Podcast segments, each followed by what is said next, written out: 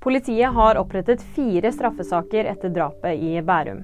Straffesakene er knyttet til trusler i etterkant av drapet 22.12. Truslene har kommet både fra omgangskretsen til siktede og omgangskretsen til avdøde, sier politiet. Nå sprer luftveisinfeksjoner seg for fullt.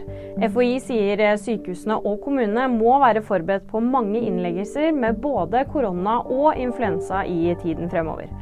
Varianten av covid-19 som sprer seg, er trolig mer smittsom, så nå er det bare å holde seg hjemme hvis du er syk, og være nøye med å vaske hendene. Henriette Brusgaard har fått eh, brystkreft, det deler hun selv på Instagram. Programlederen skriver at hun har startet på behandling for eh, noen dager siden. Og nyheter det finner du alltid på VG.